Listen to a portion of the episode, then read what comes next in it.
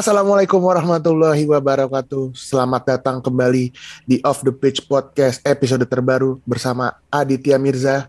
Dan kali ini, aduh, gue seneng banget nih Dik, karena ada Kenapa? yang nemen, ada yang nemenin kita lagi nih. Oh iya. dia su- dia sudah turun gunung. Bener, karena kemarin kayaknya lagi sibuk banget kan, akhirnya Yoi. eh, udah bisa kembali bergabung di eh, podcast kita kali ini. Arif, apa kabar Arif? Baik, baik, baik, baik. Thank you banget, Mir. Dik, Yo. Kemarin lagi sibuk banget kayaknya Arif ya. iya nih, ditugasin sama Autosportivo ngeliput uh, Messi di Paris. Oke. Jadi itu itu infonya info A1 tuh Mir berarti kemarin. Nah, itu, A1. itu ini banget cuy, udah terpercaya banget lah kalau Arif yang Eh, eh. udah memberikan berita terpercaya nih terpercaya. Iya, iya. Itu sampai sampai kamar mandi pun kalau ada Messi ke sana diikutin.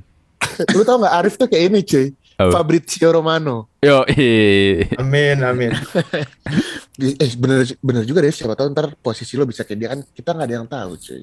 Iya, mudah-mudahan ya Autosportivo nih support kita ya, Dik ya. Oh, iya betul amin. Amin. bener, Tur bener, liputan ke langsung ke Eropa. Iya. Amin, Amin. bener. Mungkin ini dik, gue pengen bertanya-tanya kali ya. Eh, Kok Arif bisa sih memiliki apa namanya eh, hubungan sama Lionel Messi?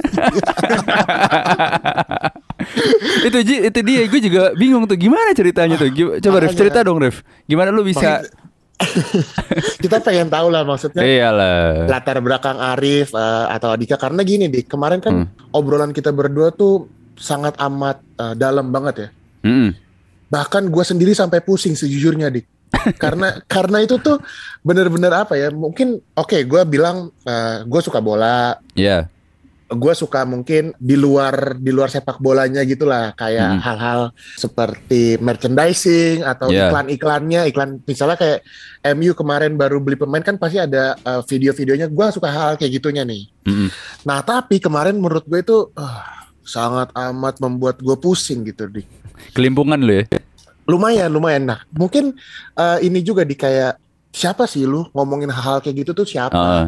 apakah emang lu punya kapasitas, punya kredibilitas pengen ngomongin latar belakang Adika nih apa sih sebenarnya? Kalau gua kan di Hmm. sini kan membantu untuk membawakan acara gitu ya kan. Iya. iya dong, iya. Iya bener ya bener nggak salah sih.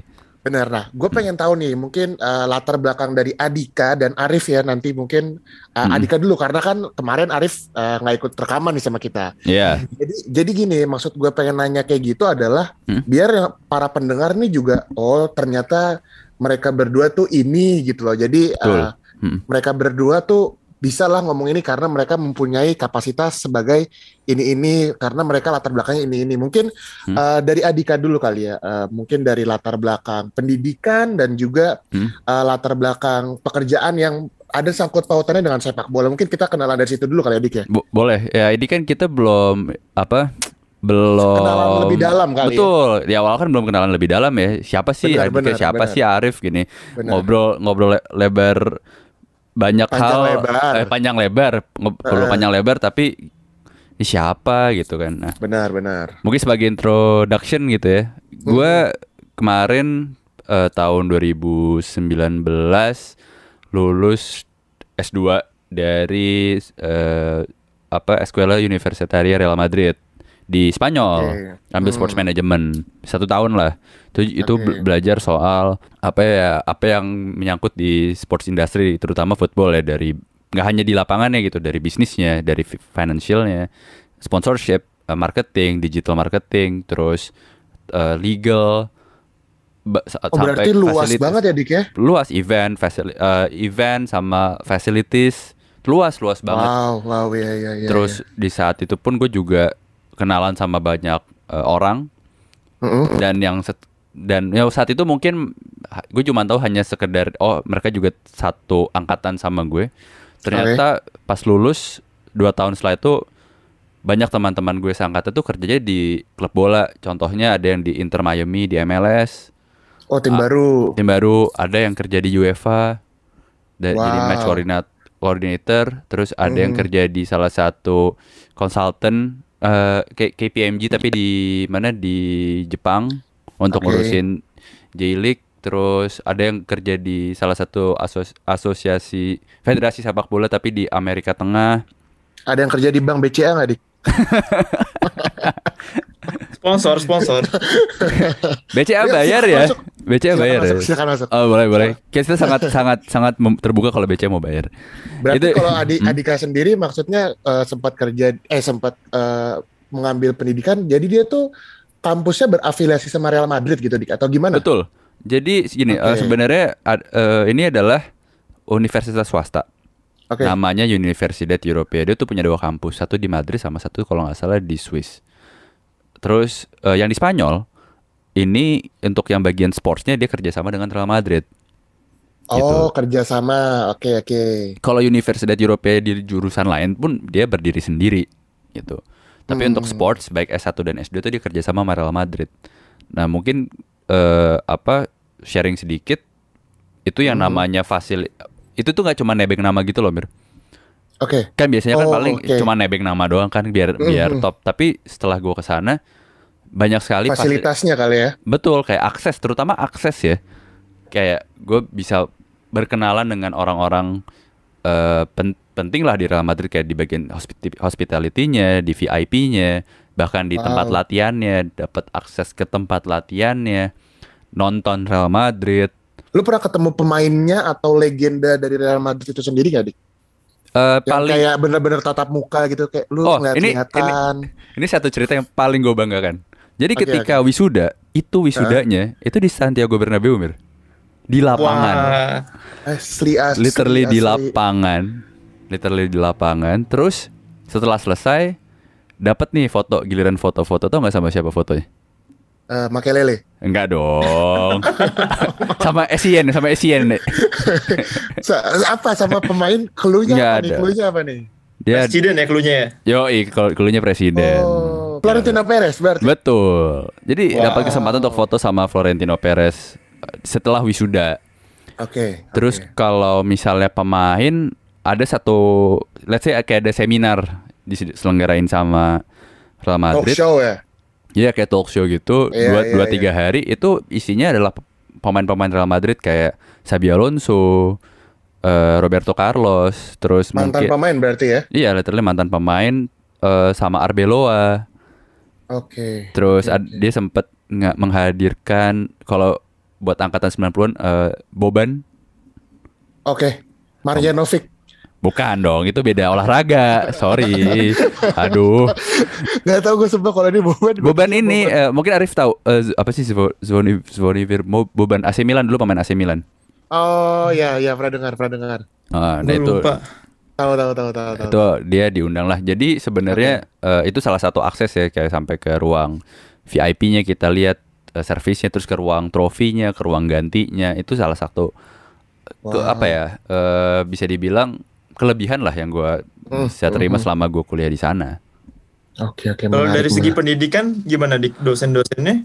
Dosen-dosennya praktisi juga di industri olahraga khususnya Nah. sepak bola atau gimana? jadi Hmm, kebetulan hmm, hmm, dosen-dosennya eh, ini kalau gue breakdown sedikit Hmm. kan gue gue tuh mulai kuliah September September Oktober November Desember sampai bulan eh, ap- ma Mei sampai Mei nah let's say Hmm. tiga bulan pertama tuh gue kuliahnya basic basic dulu ya basic kayak Oke. eh, apa cara presentasi sama finance even dari finance-nya aja eh ada dosen gue tuh dia dulu dulu tuh dia kerja di Formula One Oke. 10 tahun Oke. as a finance team itu menurut gue Hmm. sangat high credibility ya Formula tuh salah satu apa ya eh, industri Itu olahraga juga salah satu indo- ini jadi juga di uh, olahraga yang menjadi hobi lu juga kan? Betul, dan maksudnya industri Hmm. olahraga Formula One tuh sangat nggak segampang itu lo masuk gitu loh, Aha. high class banget lah itu. Terus, Oh iya um, pasti. terus gue ada satu mata kuliah tentang sponsorship activation. Dia itu ternyata se- eh, seorang agensi yang menghandle eh, brand image-nya Ford waktu itu untuk Liga Oke. Champions. Oh iya dia ininya ya sponsor dari Liga Champion ya. Ah, dulu kan sama Hmm, hmm, hmm. dia dia tuh pernah kerjain activationnya Shell dan Ferrari un- untuk ya Oke. Formula One juga dan merembet kan nggak hanya di Formula One ya akhirnya merembet ke road car gitu-gitu terus macam-macam sih ada lagi eh, di bagian legal gue lupa dia tuh kerjasama dengan eh, pemain Mhm. gitu Benar yang gue pengen tanya adalah Hah? eh, berarti eh, lebar banget ya Dik ya. Maksudnya eh, kayak lu tadi bilang ada legal, ada finance, ada event, ada Iya. sponsorship. Hah. Nah, yang pengen gue tanya sebenarnya kalau misalnya pengen ngambil yang mengkerucut lagi gitu ada nggak sih? Misalnya gini, ah gue pengen ngambil tentang digital marketingnya aja nih. Ada nggak sih Dik sebenarnya kalau di sana tuh? Eh, ah, kebetulan ada sebenarnya di digital marketing. Ada salah satu teman gue dan Arif, dia juga ngambil di di universitas yang sama, tapi dia ambilnya di sports ma- marketing.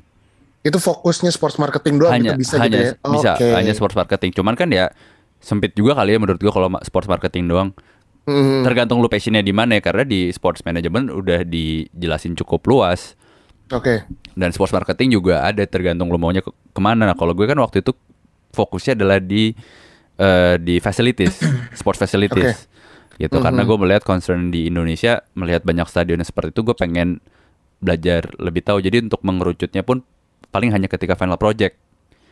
Itu benar-benar baru fokus untuk eh, bisnis model ya, desainnya seperti Hmm. apa. Nanti sering konsultasi sama istilah dosen pembimbing ya. Gitu. I see, I see, I see. Kalau ini sendiri apa namanya? Itu kan kita ngomongin edukasi lah. Hmm. Kalau misalnya pekerjaan nih, Dik, eh, ada nggak pekerjaan yang emang lu tuh eh, pengalamannya eh, bergerak di bidang eh, sepak bola lah gitu? Oke, tadi ini juga belum gue jelasin. Jadi sebenarnya sebelum gue eh, kuliah, itu gue oh, sempat justru sebelum justru kuliah, sebelum kuliah ya? sebelum kuliah, gue sempat Hmm. istilahnya tanda kutip mampir dulu lah kerja di PSSI. Oke. Jadi gue sempat di PSSI sebentar di bagian. Sebagai sebagai Oke, commercial and sponsorship. sponsorship, tapi untuk Hmm. handle timnas.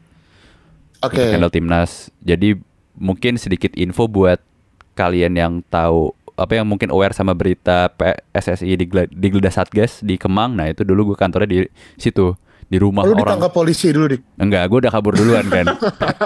gue udah gue udah tahu wah polisi mau datang, gue kabur langsung ke ke Madrid dong. Eh, Jangan ini dong. Gua, ini gak tahu gue, Dik. Emang ada berita itu ya, Dik? Ada. Jadi ketika waktu itu zaman siapa ya? Waktu zamannya Pak Edi Rahmayadi jadi ketum. Itu memang kan eh, ada ada yang namanya Satgas Anti Mafia Oke. yang pada akhirnya ada salah- ada beberapa tokoh penting di PSSI itu di penjara pada tahun 2018. Nah, itu kantor yang digeledah tuh kantor di Kemang sama yang di Rasuna. Kantor lu? Iya itu gue waktu itu di PSSI kantornya di Kemang. Tapi ketika karena gue udah udah di Madrid ya udah gue tidak ada. Oh, lu udah di Madrid. Gue udah di Madrid. Kirain lu tuh kayak lagi masih ker- kerja di sana gitu loh di. Enggak enggak. Tapi buat orang yang mungkin kayak kantor di Kemang mana sih ya coba aja kalian buka berita lagi kalau ada nih penggeledahan di Kemang Ra, Kemang Timur. Nah itu kantornya dulu di oke. situ. Rumah rumah doang.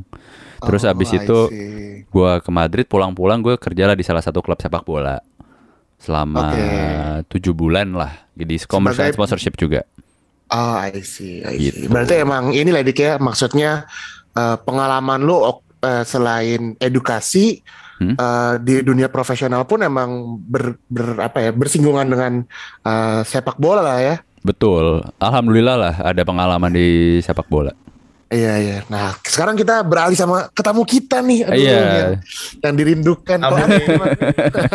Kalau ini pasti lebih banyak nih ininya Oke, kita coba mendengarkan ini dulu. Kalau Arif eh, latar belakangnya gimana nih, Arif?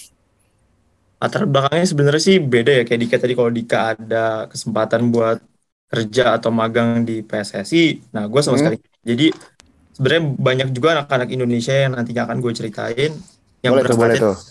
nggak dari uh, punya pengalaman dulu, jadi langsung sekolah gitu. Oke oke, boleh boleh tuh bisa diceritakan tuh. Kalau Nah, edukasi berarti ya kita ngomong edukasi berarti ya. Nah, long story short, waktu itu pas S1 ngambil hukum kan di Parahyangan di Bandung. Oke. dikasih pemahaman lah sama dosen wali waktu itu. Kalau Hmm. misalkan ya udah ambil specialty-nya aja yang lain. Kalau misalkan kayak pilot itu kan udah ada Hotman Paris kan lulusan Unpar yang emang legit gitu di industri di fokus. Nah, kamu harus cari specialty sendiri kata dia gitu kan. Oke. Apa? Ya saya bilang waktu itu ya olah eh, sports, olahraga Hmm. khususnya bola. Oke, kamu ambil sports lo. Terus habis itu diarahin lah, ajak ngobrol, ketemu alumni, sampai akhirnya nemu kalau gitu jangan hukum lagi Rif katanya gitu. Kalau bisa eh, bisnisnya, ambil bisnis ekonomi ya. Jadi ketika kamu nanti lulus graduation, kamu lebih komplit. Jadi tahu aspek ekonomi bisnisnya, tapi juga dipadu-padankan sama hukum gitu. Oke. terus waktu itu ditanya yang terbaik yang mana soalnya ya pengen jadi yang one of the best-nya juga kan nantinya Hmm, hmm. eh ya udah ke Swiss yang terbaik di Swiss nah waktu itu pada saat itu zaman zamannya Tisha setelah sebelum itu jauh sebelum itu Tisha sempat ke Swiss. Jadi ada Ratu Tisha itu jadi kayak apa ya? Bisa dibilang kayak uh, benchmark lah. Jadi panutan kayak Oke. mau nih sama seperti kayak dia gitu kan. Ya udah cari-cari-cari ada namanya Football Business Academy di Swiss. Itu berarti eh, kampus lu tuh ya? yes. Itu uh, sama juga kayak Dika tadi itu swasta. Tapi ini nggak Hmm. sama uh, institusi apa pun sih. Nggak sama klub gitu. Nah yang Oke. bikin menarik adalah sebenarnya dosen-dosennya sih yang yang emang berkecimpung di industri itu dari emang dari akademisi sampai yang praktisi gitu Oke, menarik, menarik. Itu Nah, siapa berarti- aja? Sorry, itu siapa aja. Eh, dosen-dosen yang mungkin pernah apa yang nggak pernah ya? Memang juga sedang bekerja di industri sepak bola sekarang. Nah, itu kita menarik banget sih ini. Jadi eh, dosen-dosennya itu nggak cuman dari yang eh, praktisi tadi akademisi juga yang kayak gue ceritain. Nah, yang prak- praktisi itu bahkan yang benar-benar bikin pengen gue sekolah di sana itu adalah si Jerome Sempage, si sekjen P- Oh iya iya iya Jerome Champagne. ah. Nah, itu menarik banget kan pengen langsung diajarin sama yang the bestnya di industri itu tentang FIFA tuh kayak apa sebenarnya itu kan menarik banget kan Mm-mm. itu fokusnya kalau tadi gue lupa ceritain nah ini gue fokusnya tuh di football business jadi gue professional master in football business gelarnya sebenarnya jadi kalau Oke. di sports management gue lebih spesifik lagi ke sepak bolanya gitu Mm. Nah. Hmm, berarti lebih mengkerucut Iya. daripada Adika ya? iya sebenarnya lebih ke bola banget gitu dan Oh, emang iya. dosen-dosennya juga emang bola banget dari owner owner klub bola di Belanda namanya ada Isitan Isitan Gun Hmm. itu juga Wow. sebagai owner uh, football club dia ngajarin finance strategi in uh, football nah yang menarik lagi juga ada David Goldblatt nah itu penulis emang terkenal banget bukunya ada di mana-mana tentang Hmm. tentang histori tentang politik uh, etik itu dia juga ngajarin bahkan nih waktu dia ketemu uh, Hmm. hey you eh, from Indonesia Arif katanya gitu dia bahkan Hmm. tahu tentang kayak Edi Rahmayadi Soeharto Wow, Menarik Jadi ya waktu- itu. menarik itu banget itu menarik banget sih sumpah, sumpah, sumpah. jadi bahkan dia Arif kamu tahu nggak sebenarnya apa di balik itu uh, bagaimana negara kamu berjuang dengan sepak bola kata dia gitu jadi sebenarnya tuh kita tuh uh, uh, ketua PSSI yang pertama banget itu membuat sepak bola itu menjadi alat sepak bola eh, alat perjuangan sorry alat, alat perjuangan kita buat dari Belanda gitu loh Mm. Keluar oke. dari cengkraman Belanda itu menarik banget dia akhirnya breakdown hal itu sampai detail lah cukup detail itu menarik banget sampai ke era-era modern sekarang zaman Pak Edi Ramayadi waktu itu itu juga dia kupas itu Wow. Yes, Oh dia bahkan sam- bisa sampai tahu, wah itu gua kagum banget sih ya. Itu apa nggak mau Iya. kita undang di podcast? Wah, boleh boleh boleh boleh Tuh. menarik kan Tuh menarik Wah, tuh. bisa banget tuh, bisa banget tuh. tunggu sampai eh, followers kita banyak dulu Oh iya. Eh, nggak apa-apa siapa tahu bisa kepancing kan dari itu. bener, bener, Iya. Eh tunggu berarti sorry eh, berarti lu bener-bener di bola ya? Eh, nggak ada yang dosen dari mana dari luar bola tuh nggak ada ya?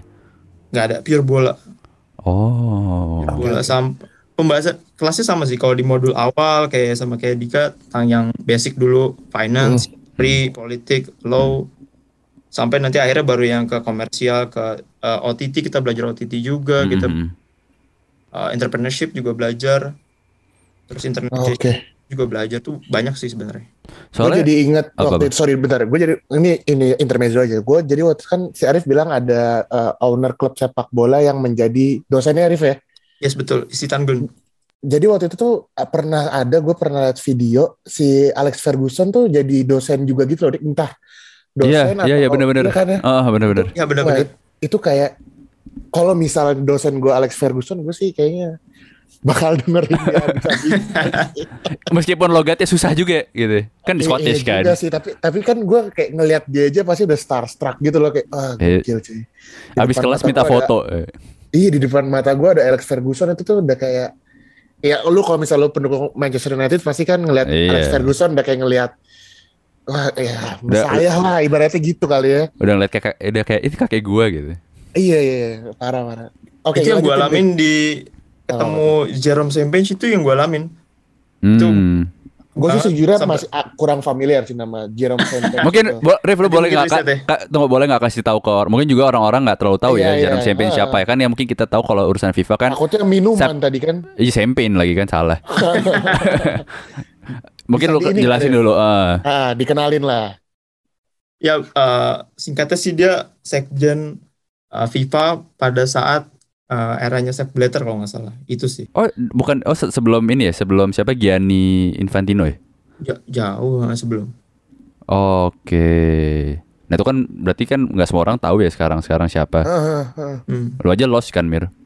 Makanya itu aja kayak mungkin kalau misalnya emang gini di kalau menurut gua kalau misalnya emang lu pengen terjun di dunia bisnisnya atau di Hmm. dunia gitu-gitu ya pasti nama itu bakalan kayak wah ini orang one of the best lah kayak Arif bilang tadi gitu kan. Iya. Sedangkan gua kan di sini hanya sebagai penikmat layar kaca ya nggak sih dik?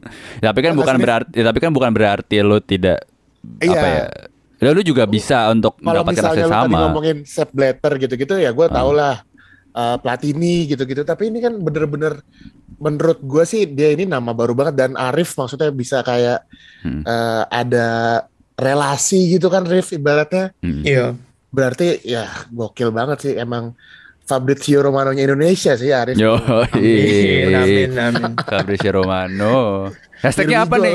Kalau Here kalau- Fabrizio kan here we go, kalau ini apa? Here I am. Apaan sih Hirayan? Oke oke. Eh, lanjut lah. Sekarang gini, tadi kan kita udah dengerin pendidikan dan juga profesionalnya. Berarti kalau di dunia profesional sendiri, Arif ada nggak Arif yang bersangkut pautan dengan eh, sepak bola? Kalau di Tadi ya Dunia setelah se- pulang di Ah, tahun 2018 sorry, 2019 jadi kita di tahun yang sama ternyata ya. Eh, ben- Iya iya. Sama Oh iya, Arif ya? sama.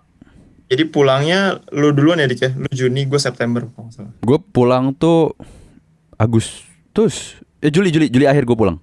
Iya. Fun fact tuh sebenarnya kita udah kenalan sebelum kita pulang begitu loh. Mir. Lewat Oh, lewat LinkedIn. kenal berdua. Oh, Lewat LinkedIn. Oh, Terus habis itu. Eh, dia pulang ke Jakarta, gue pulang ke Jakarta, habis itu kita ketemuan gitu ngobrol. I Mm-mm. see, I see, I see. Setelah itu gue langsung kerja di salah satu agensi terbesar lah di Indonesia, kita tahu. Munial Sports Group.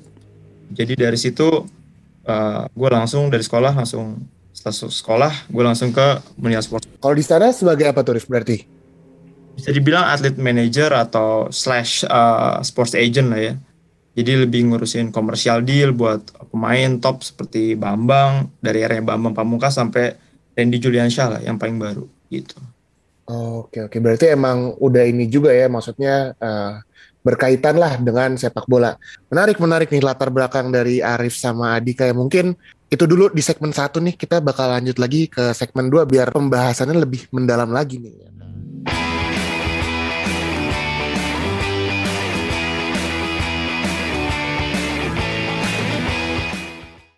Nah, kita balik lagi nih ke segmen selanjutnya, yang di mana pengen ngebahas, pengen bertanya-tanya lah sama Arif sama Adika Hmm. eh, tentang pendapat lu berdua nih, kalian berdua terkait pendidikan dan juga nanti di dunia profesionalnya kayak gimana sih? Pertanyaan-pertanyaan kayak gini, eh, menurut kalian berdua nih, kan sebenarnya kalau di Indonesia ada nggak sih sebenarnya pendidikan sepak bola tuh udah ada ya? Belum ya? Belum. Kalau khusus khusus yang benar-benar kayak ka- kampus kalian berdua itu ya, belum ada berarti ya? Belum ya gue tahu cuma jadi ini lulusan guru olahraga. Ya, aduh, guru olahraga Iya. dong. Di Unpar ada sih, tapi Unpar ada itu cuma jadi mata kuliah pilihan. Jadi Oh. sport Oh, entertainment. Jadi kita ngebahas tentang kayak oh, hukum olahraga itu sebenarnya apa sih di breakdown lagi. Terus contoh kayak Bosman Rules tuh kita juga belajar. Mm. oh, menarik juga tuh. Rules sama European Union tuh belajar kita. Berarti pasti lu ngambil mata kuliah itu ya? Ambil dong. Ketebak banget Mir itu. Tapi dosennya gimana, Rif? Do- dosennya itu kebetulan dosen pembimbing skripsi gue. Nah itu dia Hmm. ambil waktu di Belanda dia ngambil pilihan mata kuliah itulah. Jadi dia ahli di bidang itu gitu. Dan Sports kebetulan law, pasti ya? dia juga so- suka sepak bola berarti ya? Suka, suka. Nah itu dia Ah, meracuni gue lah untuk kayak udah ambil sports lo aja gitu. Hmm. hmm, hmm, hmm. Wah, menarik juga tuh di Unpar ya. Gue baru tahu sama juga. U- UI kayaknya mau waktu itu mau bikin sports management ya. Tapi Ada isu, kabar ya. ada Belum isu, tapi mm, lo butuh partner lah sama kampus lain lah. Iya, Pasti. iya, iya. Nah, pertanyaan gue gini, Hmm? mungkin eh, di Indonesia tidak banyak eh, orang-orang yang berkesempatan eh, kayak kalian lah, maksudnya bisa eh, ngambil pendidikan di luar negeri, apalagi khususnya sepak bola gitu kan. Mm-mm. Dan di Indonesia sendiri pun seperti yang tadi kita bahas sebelumnya belum ada nih kayak dunia pendidikan yang Hmm. emang ngebahas khusus untuk sepak bola. Nah, Hmm. pertanyaan gue adalah menurut kalian nih bisa nggak sih orang-orang yang emang punya passionnya sepak bola, dia kayak pengen dia suka banget lah sama sepak bola, tapi eh, dia nggak punya pendidikan seperti kalian. Nah, ada nggak sih kayak tips and trick atau misalnya kayak saran buat mereka yang pengen emang eh, bekerja atau nantinya ber, eh, berkarir di bidang sepak bola gitu lah. Kurang lebih seperti itu. Hmm. Mungkin dari siapa? Adika atau Arif dulu nih? Arif dulu lah, Arif dulu gantian. Arif dulu mungkin ya. Ada nggak sih kayak tips and trick? Mungkin misalnya lu tuh harus kayak gini, gini, gini, walaupun emang lu nggak punya eh, basic pendidikan sepak bola gitu kali, Rif. Gimana, Rif? Mungkin sama kayak gue sama Dika kali. Mhm. Terima dulu apa yang di depan, laksanain dulu aja. Misalkan kayak kayak gue kerja di penerbangan waktu itu, Mhm. terima dulu aja. Uh, toh nanti dalam long the way kita belajar banyak hal dari situ nanti juga buat bekal kita kerja di sport nantinya. Ya harapannya kan gitu waktu itu. Hmm. Sebenarnya jangan berkecil hati sih kalau dari gue. Kalau misalkan belum bisa dapat apa yang kita inginkan gitu di awal, nanti Hmm. pas uh, ada jalan ya gitu. Tapi Hmm. gue boleh kasih pendapat juga, sebenarnya kita tuh butuh di sepak bola kita tuh sebenarnya bukan orang yang emang grad- graduate dari jurusan sepak bola aja, emang Oke. uh, yang emang lulusan normal aja gitu, misalkan lulusan dari ilmu pemerintahan lah katakanlah, ada teman kita juga yang lulusan dari situ. Hmm. Bahkan kalau misalkan kita mau jauh lagi pembahasannya, butuh loh sebenarnya orang-orang dari uh, figur dari kepolisian, tentara atau bisnismen yang berkecimpung nanti di industri sepak bola gitu. Jadi kan itu ada tugasnya masing-masing, keahliannya masing-masing nanti dalam misalkan katakanlah kalau kita ngomongin kepolisian dan uh, TNI ya gitu, institusi institusi, institusi TNI mungkin dia mengerti bagaimana ngelola kerumunan massa yang nanti kan kaitannya sama fans itu juga penting kan Hmm. gimana kita berbicara dengan misalkan uh, pemerintahan yang mungkin kita dari lulusan uh, sepak bola bisnis sepak bola atau sports management itu nggak punya keahlian itu gitu nggak punya bekal itu gitu jadi dipadu padankan dengan mereka itu akan menjadi satu satuan yang sebenarnya bagus banget sih Itu menarik banget ya. Bener juga Hmm. kata Rif. Maksudnya gini, misalnya ada bagian kepolisian yang emang khusus untuk menangani taruhlah apa ya, event, event sepak bola karena pasti kan cara lu untuk menghadapi fans-fans sepak bola itu kan nggak seperti lu menghadapi warga-warga biasa gitu kali ya. setuju Jadi, iya kan, maksudnya kayak kalau misalnya emang ada khusus, misalnya di kepolisian untuk menangani sepak bola, terus kayak tadi pemerintahan eh, menangani sepak bola itu kayaknya bakal menjadi lowongan pekerjaan. Oh, oke. Maksudnya itu bakal menjadi lowongan pekerjaan baru gitu loh. Jadi Betul. kayak eh, lebih terfokus. Karena kan selama ini mungkin kalau misalnya lu kepolisian kayak, eh ini nih, udah lu sana jaga apa namanya eh, sepak bola nih, pertandingan sepak bola ini. Dan mungkin di kepolisian itu nggak nggak ada ini khususnya gitu loh. Kayak misalnya kalau misalnya nangani sepak bola tuh harus kayak gini-gini. Kan seperti yang gue bilang tadi, eh, cara menangani fans sepak bola kan tidak sama dengan lu menangani Warga orang warga-warga biasa. Iya. Betul, betul. karena dia di drive sama ke fanatisme yang nggak Itu dia. Setuju. kontrol jadi just agak susah sih sama orang-orang biasa untuk ditenangkan gitu loh Polisian itu udah punya divisi sendiri ya khususnya di olahraga kayaknya khususnya di match fixing itu beberapa tahun terakhir Oh. ada ya bisa dibilang kayak divisi yang mengurusi tentang hal itu ya itu udah satu langkah yang bagus ya ada kolaborasi itu gitu loh ada perhatian khusus lah dari pe- pemerintah khususnya kepolisian gitu Ini bahkan bisa nanti di bidang-bidang lainnya bakal ada ini juga lagi ya, Rif ya. Maksudnya kayak lebih fokus ke sepak bola selain di kepolisian sama pemerintahan ya. setuju banget sih harapannya itu Iya. ada perhatian lebih lah dari pemerintah untuk sepak bola Indonesia gitu Iya, yang yang jadi membuat kayak eh, orang-orang seperti gua atau Adika dan Arif yang Arif eh atau Adika dan Arif yang kayak emang pengen eh, kerja di dunia sepak bola nih Hmm. jadi makin lebar gitu loh pilihannya. Menarik juga sih. Kan? Ya, ya, ya, ya, menarik, menarik, menarik. Oke, kalau dari Adika gimana, Dik? Mungkin ada tips and trick atau uh, Hmm. saran gitu kan? Kalau gue, sebenarnya gue apa apa yang udah dijelaskan oleh Arif udah hampir semuanya sih. Hmm. Yang pasti adalah gue ingin mengatakan ini di luar soal sepak bola dulu ya. Buat orang yang lulus Hmm. eh, dari kuliah, mau passionnya bola atau di mana pun, nggak usah terlalu idealis dulu lah.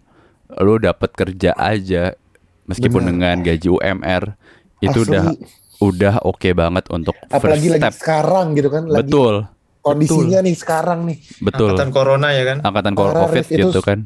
Sedih sih angkatan sekarang tuh sedih sumpah. Pasti kita juga merasakan pas awal-awal COVID kemarin ngerasain cari kerja susah gitu kan. Sama sama setuju. Betul kan? Eh maksudnya udahlah nggak usah idealis dulu. Di luar COVID pun adalah lu harus belajar dulu yang namanya dunia profesional, yang hal-hal paling basic lah Hmm, gitu. Nanti mungkin setelah satu dua tahun atau dua setengah tahun lu sudah kenyang, baru lu tahu ke mana lu mau melangkah gitu ya. Passion lu apa? Boleh deh lu ngambil jurusan lagi gitu atau lu kecemplung di industri itu. Apakah perlu untuk ambil eh, sports management? Kalau memang resource-nya ada, silahkan. Karena menurut Nah. gue sports eh, sports management bukan jaminan juga lo bakal sukses tapi paling nggak lu punya apa ya kayak channels lah lu lebih punya banyak akses dan pengetahuan dibanding mereka yang tidak kuliah di sports management tapi Hmm. tetap eh, passion menurut lu akan apa istilahnya mendorong lu untuk bisa kerja di sana. Entah seperti apa nanti resource-nya. Karena kalau lu, lu pun misalnya misalnya mirip lu kan kalau nggak salah PR ya? Iya, Bener kan? Lu PR kan? Ketika lu PR dan lu memang passion di sepak bola Lu kerja di salah satu klub sepak bola Dan lu berpengalaman Berapa? 5, 5 sampai 10 tahun misalnya Ya lu Hmm. pasti value lu akan sangat gede Gitu. Loh iya, Meskipun lu bukan lulusan Lulusan Apa? Lulusan Sepak sports bola. management Heeh, Lulusan Hmm, sports hmm. management tapi kalau dibilang, oke, apakah sports man- untuk mengambil sports management itu adalah necessi- necessity, kebutuhan? Mm-mm. Mm-mm. Melihat dari industri sepak bola sekarang di Indonesia, menurut gue itu sangat dibutuhkan. Untuk Oke. at least untuk me- mempercepat atau mengakselerasi akselerasi perkembangan industri sepak bola di Indonesia. Kita butuh orang-orang generasi baru yang punya at least basic knowledge di industri sepak bola dan Mhm. itu sudah ada lah modalnya itu meskipun mereka belum ke- berkecimpung ya. Belum punya pengalaman banyak lah. Betul, belum punya Iya, pengalaman dan let's say orang-orang yang ada di ada di sekarang di sepak bola. Sekarang tuh mungkin udah beberapa yang memang udah lulusan sports management nih 3 4 5 tahun yang lalu gitu. Jadi udah punya modal lah gitu. Kita-kita ini kan yang akan menggantikan mereka-mereka yang sudah lama udah 20 tahun di sepak Amin, bola. amin. Amin gitu. Amin. Uh, Nah jadi uh, gue rasa tips and triknya kalau memang mau kalau memang punya resource atau mau Hmm. ambil beasiswa ambil cari cari mana deh yang paling bagus universitasnya dan memang affordable juga entah itu di Spanyol entah itu di Swiss entah itu di Amerika sekalian atau mau di Australia terus kalau memang nggak punya resource-nya bukan jadi halangan lu bisa menunjukkan passion lu kayak misalnya lu mir gitu kan lu kan dari kemarin dari dulu bikin podcast tentang bola gitu kan itu kan bisa jadi satu satu sarana ketika nanti lu pengen kerja di sepak bola kayak lu menunjukkan bahwa gue tuh passion dan benar-benar Iya. pemerhati sepak bola gitu itu bisa Eh, memudahkan gitu Oke, kita eh, lanjut nih ke pertanyaan berikutnya buat Adika sama Arif. Hmm. Tadi kan eh, kita udah ngomongin orang-orang yang nggak ada eh, background untuk dunia sepak bolanya lah, sports manajemennya lah. Iya. Nah, menurut kalian tapi seberapa penting sih untuk mengambil pendidikan terkait sepak bola di luar negeri ya? Hmm. Dan apakah itu bisa ngebuat perkembangan sepak bola di di Indonesia ini khususnya Hmm. jadi lebih maju? Maksudnya adalah kayak eh, emang bisa dengan lu keluar negeri untuk belajar, terus Hmm. lu bisa ngebawa perubahan karena kan kita tahu juga pasti di Indonesia nih ada akar-akar politik, Mm-mm. ada budaya-budaya yang nggak bisa digeser. Apakah seorang Adika dan Arif nih bener-bener bisa ngerubah sepak bola Indonesia? Ibaratnya gitu kali ya. Hmm. Hmm. Gimana? Dari siapa nih? Adika dulu berarti, Adika dulu. Eh, gue dulu ya. Oke. Oke. Dibilang bisa apa enggak ya bisa-bisa aja pasti ya. Pasti itu memperbesar kesempatan lo untuk mempunyai apa untuk bisa kerja di industri sepak bola. Tapi Hmm. seperti gue bilang, bukan berarti lo akan jaminan untuk sukses. Karena lo lo mendapatkan modal, iya dong. Lu, lu lu punya modal nih, lu punya modal ker- sekolah sepak sports management di luar misalnya. Heeh, heeh. Tapi kan tidak semua hal yang apa yang lo dapatkan bisa langsung diapli- diaplikasikan secara mentah. Apalagi beda banget ya, maksudnya di Indonesia Betul. sama di luar negeri pun. Ya. beda kultur gitu. Jadi Hmm. em, lu butuh penyesuaian gitu. Dibilang lagi dibilang sukses, gue rasa itu semua butuh proses, butuh waktu. Makanya gue bilang di awal lagi nggak sebenarnya lu nggak perlu juga untuk ambil sports management kalau memang resource lu nggak ada gitu. Yang penting Ya, lu nggak usah passion. dipaksakan. Nggak usah dipaksakan. Itu hanyalah sebagai tools, tools dan untuk memudahkan lo untuk Ya, bisa untuk bisa eh, kecemplung di industri sepak bola gitu. Jadi ketika lo kecemplung dan bekerja di in- industri sepak bola, ya lo paling nggak sudah punya modal lah basic pengetahuan dan power juga lah ya. betul bargaining power tuh penting dan juga networking gitu. Jadi lo ju- paling nggak ketika lo di luar tuh juga lo juga punya perspektif perspe- perspektif Oke. yang berbeda. Kayak gue gini, gue gue ketika berteman dengan eh, teman-teman gue di sana, kan ada yang dari Jerman, ada yang dari Jepang, ada yang dari Itali, ada yang dari Amerika. Itu mereka punya pemahaman tentang sports industry beda-beda. Ya, Oke. Kita tahu lah, Amerika sports industry udah kayak sports entertainment. Apa-apa bisa dijadiin konten. Ap- ang- apa apa-apa bisa jadi statistik, apa-apa bisa dijual, jadiin apa jadiin fantasy league kayak di NFL. Di Eropa mungkin lebih tradisional, tapi cara bis- bikin bisnisnya macam-macam kayak di Jerman kayak gimana gitu-gitu. Nah itu kan salah- bisa menjadi salah satu referensi langsung yang bisa gue gitu dan Arif ketika belajar di sana menjadi salah satu eh, apa ya perspektif lah atau oh jadi bisa jadi satu Referensi. contoh ya jadi satu referensi yang bisa nanti kita bawa ke Indonesia gitu dan ketika di Indonesia kita nggak bisa mengaplikasikan itu semua secara langsung. Kita harus tahu Pasti, pasti. eh, harus tahu itunya. Tapi paling tidak nggak nol nol banget lah gitu. Nah, tapi apakah lu yakin, ini sebelum ke Arif ya, Hmm.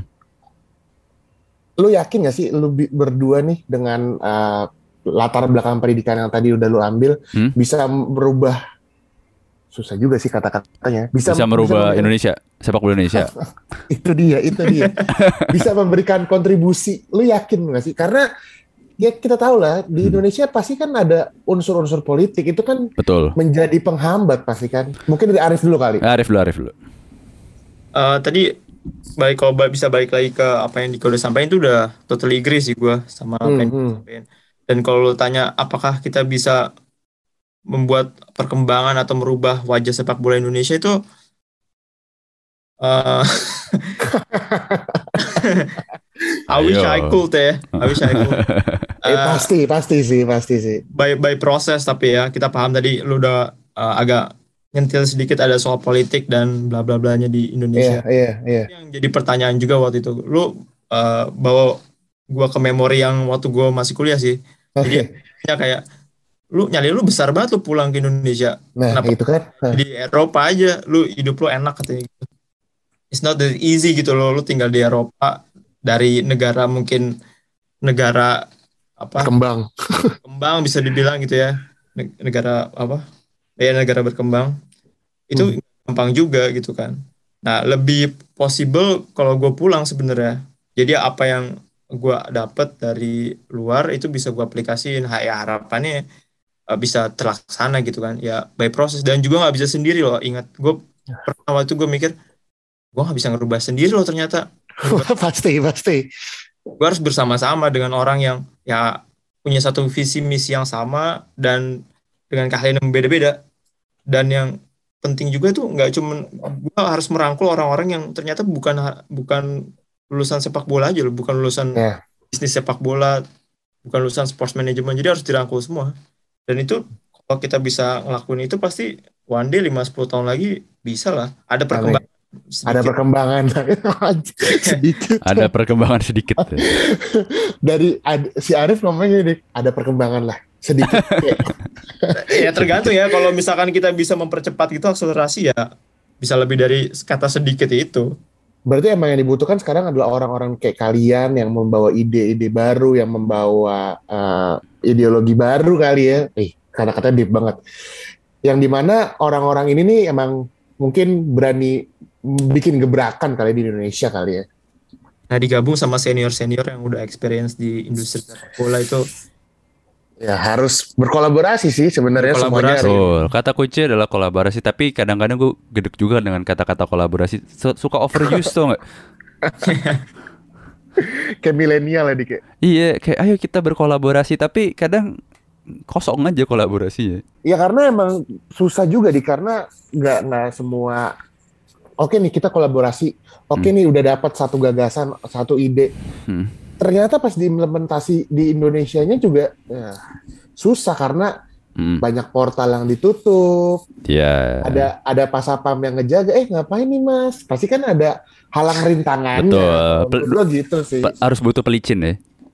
Iya itu mah off the record aja sih. Tuh, tapi kalau kalau ngomongin soal kolaborasi di sepak bola, tentunya gue rasa em, kolaborasi ini memang dibutuhkan, terutama dari s- apa kayak third party nih, third party. Hmm. Baik lagi nih, ngomong third party yang independen dan juga Iya. pihak-pihak yang memang menyangkut ekosistem sepak bola kayak klub, federasi. Biar apa? Karena gue yakin klub atau federasi atau operator nggak bisa jalan sendiri. Mereka Ya, let's say pasti butuh butuh eh, su apa ya masukan masukan dari pihak lain untuk Hmm. me- mengenerate bisnisnya mereka atau ada target-target apa gitu. Nah tapi yang penting kolaborasi itu bisa bisa sukses asalkan dari kedua belah pihak ini juga agree dalam satu titik gitu loh. Jangan satu pihak nggak kerja, yang ini cuma terima enaknya doang gitu. Kayak sering terjadi di ini deh. sering terjadi. Ini sering terjadi. Kota besar deh kayaknya. ini deh. ini makanya ini aware apa sebagai himbauan lah tolong lah kalau emang menggunakan kata kolaborasi itu juga tahu konteksnya gitu Iya, iya, iya, iya. Oke, Adika, Arif, pertanyaan Hmm. terakhir nih ya. Kan kalian udah mempunyai pendidik, latar belakang pendidikan di sepak bola, dunia kerja profesional pun udah ada nih ya, di eh, sepak bola. Nah, pertanyaan pamungkas nih, Bambang kali. Bambang aduh Apa apa yang harus diubah dari sepak bola Indonesia biar nanti eh, perkembangan sepak bola Indonesia nih berada di jalur yang tepat lah. apa yang harus dilakukan ya Iya, apa yang harus dilakukan orang-orang seperti kalian nih? jangan jadi kalian lah generasi muda lah kalian kayak kita cuma berdua doang gitu Kayaknya siapa kayak kita berat banget ya. berat kayaknya banget gitu berat banget Ya. Ada- Eh, Oke deh, kalau gitu Adika dulu nih, Dik. Mungkin Oke, ada jadi apa apa yang harus dilakukan buat generasi kita untuk mengubah sepak bola Indonesia? Hmm, Bener ya? yang kita udah tahu Kusut ya. me- mengakar nih, Dik. Iya. Gue gue ini ya ini dari kacamata antropologi gue juga nih ya. Eh ngeri. Ini ini sudah kayak gue tuh udah Dalam pernah ngomong pernah ngomong ke Arif juga kalau nggak salah. Kayak apa sih yang perlu kita ubah soal sepak bola Indonesia? Yang perlu diubah sepak bola Indonesia itu adalah human resource-nya. Oke. Kenapa human resource? SDM, SDM. S, apa? SDM bener. Eh, eh. Kenapa SDM? Karena lu mau ngubah mau ngubah apa yang ada di liga liga itu pun kalau misalnya dari akarnya tidak diubah, dari akar pun juga tidak tidak menyangkut ke federasi atau klub. Itu kualitas SDM di sepak bola Indonesia kan gitu-gitu aja.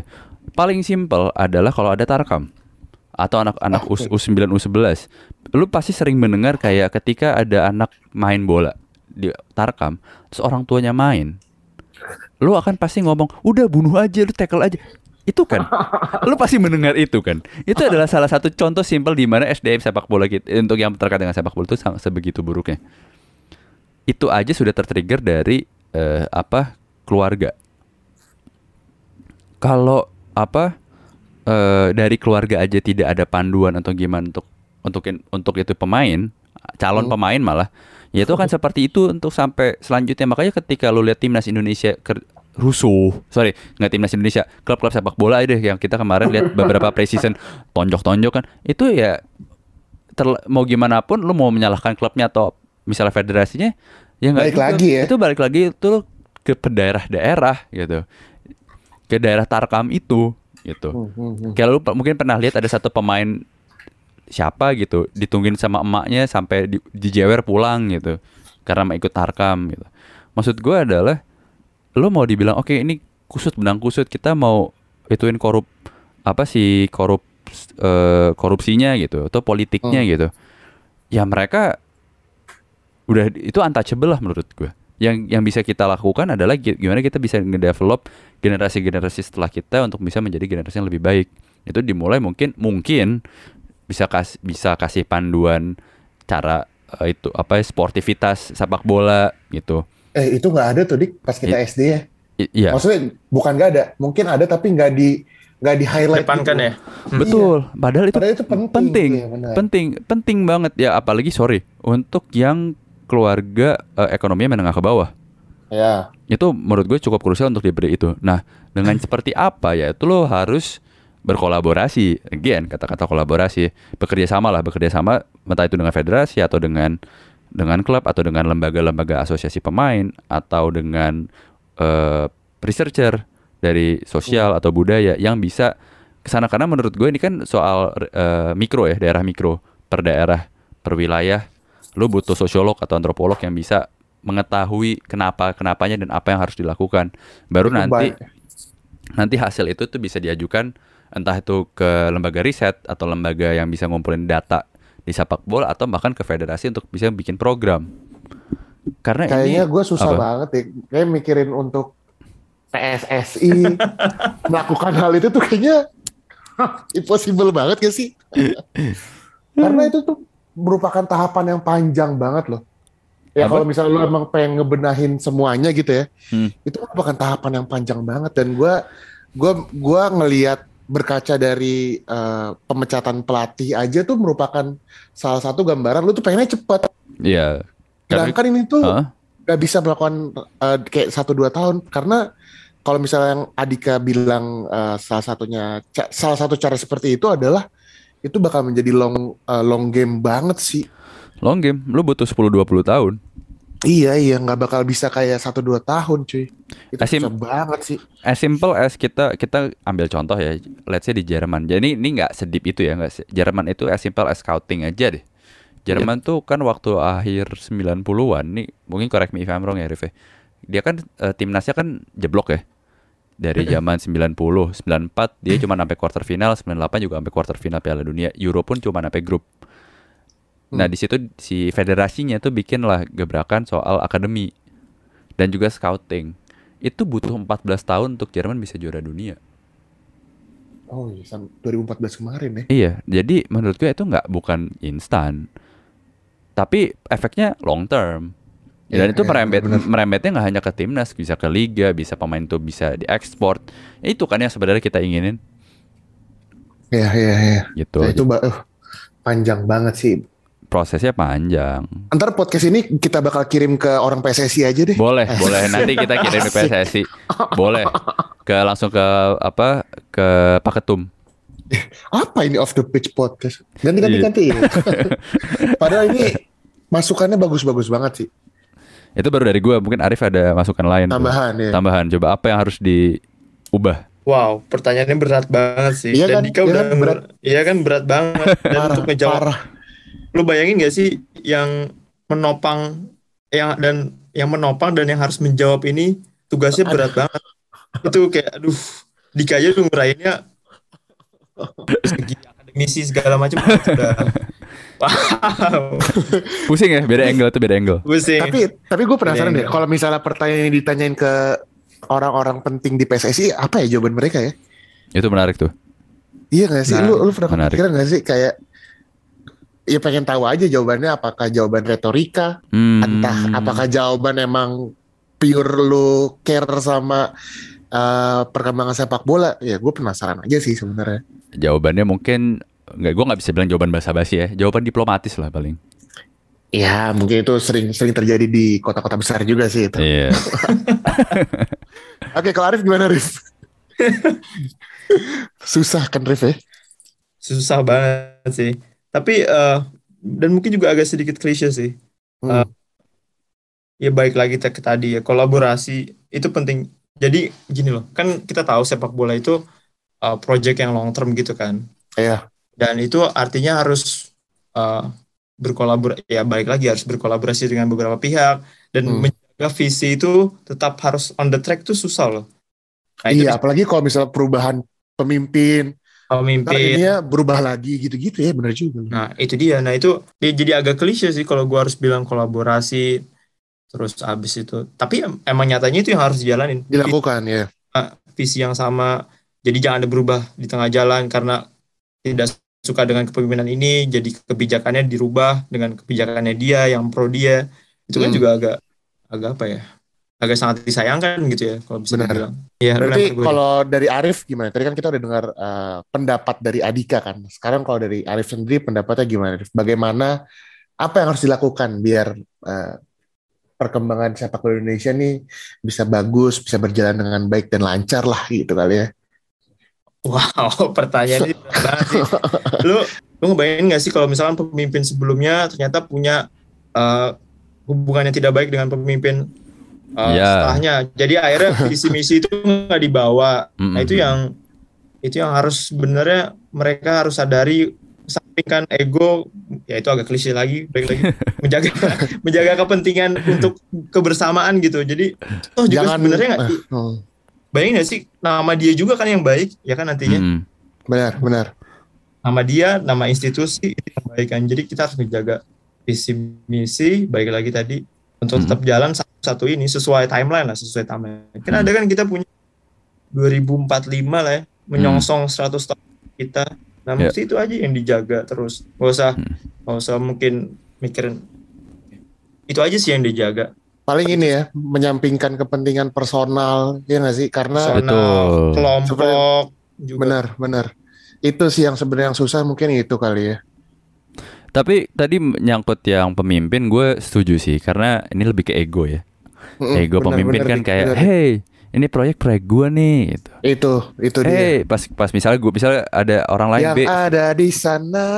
ya ya malah nyanyi deh dasar.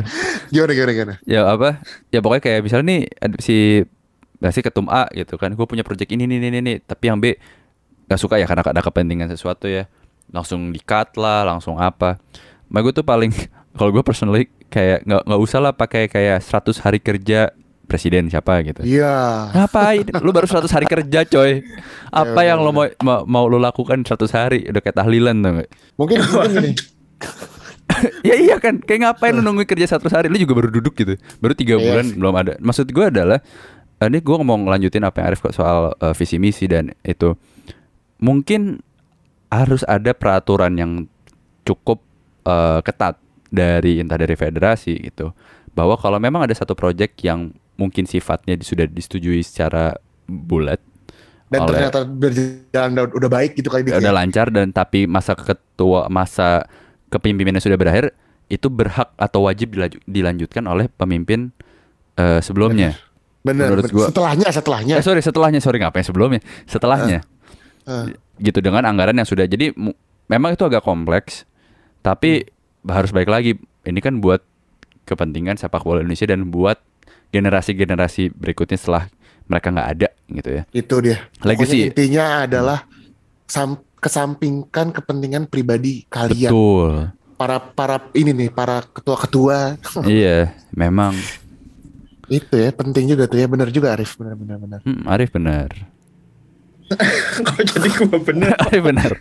Ada benar. aja lah. enggak, enggak lu bener.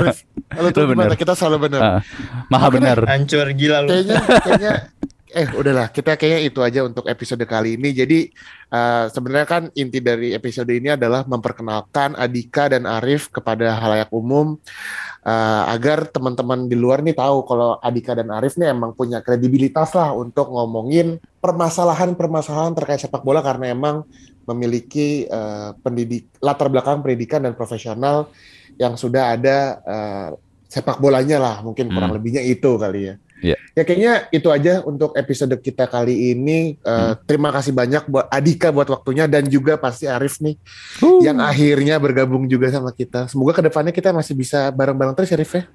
Jangan tinggalin kita Amin. berdua lah. Eh tapi kalau dia disuruh Posesif deh. Eh, kalau disuruh dia misalnya bertapa atau mencari wangsit ya udahlah kita kita Oh, iya. biarin aja lah ya. kan kan Fabrizio Romano Indonesia. Betul. Jangan diganggu kalau lagi ada urusan lah. Benar-benar. Hoax. Hoax lagi. Oke deh, kalau gitu Mirza Adika Arif pamit. Assalamualaikum warahmatullahi wabarakatuh.